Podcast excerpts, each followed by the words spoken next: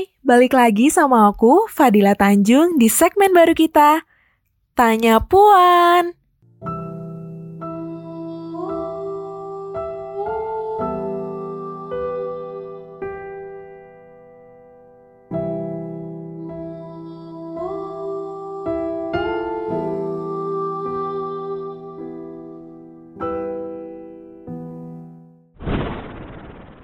Kamu tahu nggak?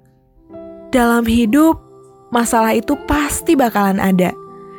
Juga ada masalah yang sulit dan mudah untuk dipecahkan.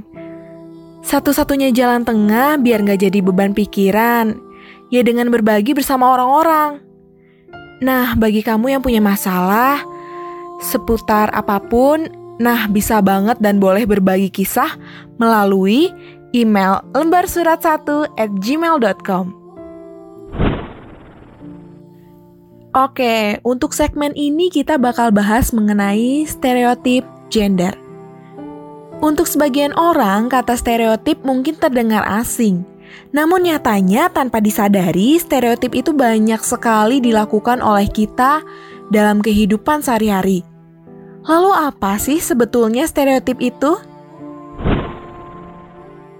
Stereotip adalah sebuah keyakinan positif ataupun negatif yang dipegang terhadap suatu kelompok sosial tertentu.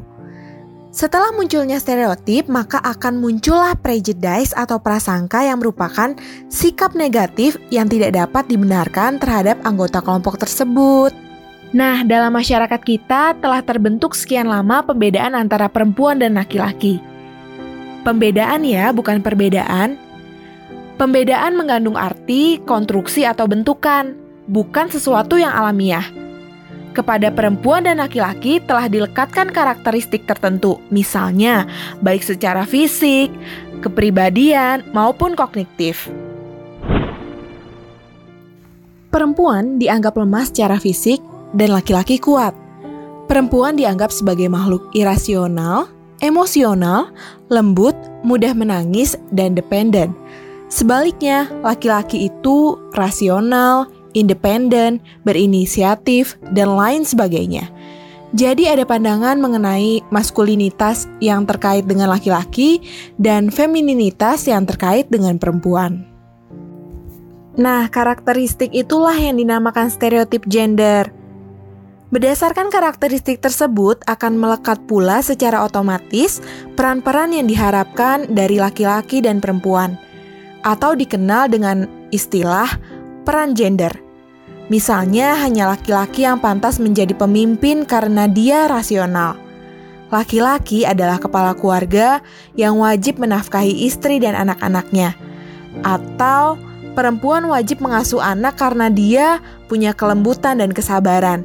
Apalagi perempuanlah yang secara biologis memiliki fungsi untuk melahirkan.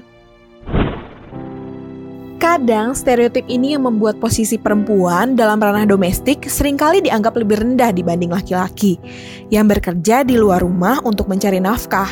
Kebanyakan masyarakat menilai laki-laki yang bekerja di luar lebih punya nilai karena interaksinya lebih besar dibanding sang istri yang bekerja sebagai ibu rumah tangga.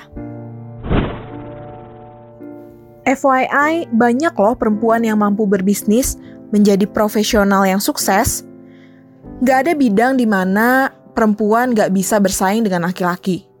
Satu-satunya alasan kenapa kita perlu lebih memberdayakan perempuan di masa ini adalah karena kaum perempuan telah tertindas sejak dulu. Persamaan hak dan kebebasan masih belum merata, bahkan di Indonesia. Nah, kadang emansipasi wanita membuat perempuan mau mengalahkan laki-laki.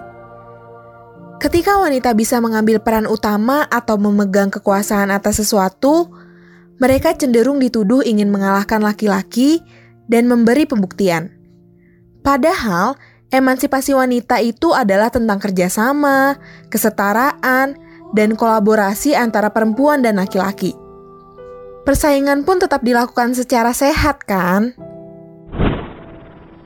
Perempuan dan laki-laki memang beda tapi bukan berarti ada yang lebih unggul atau lebih lemah dibanding lainnya. Jadi, jangan mau dibatasi oleh stereotip tertentu ya.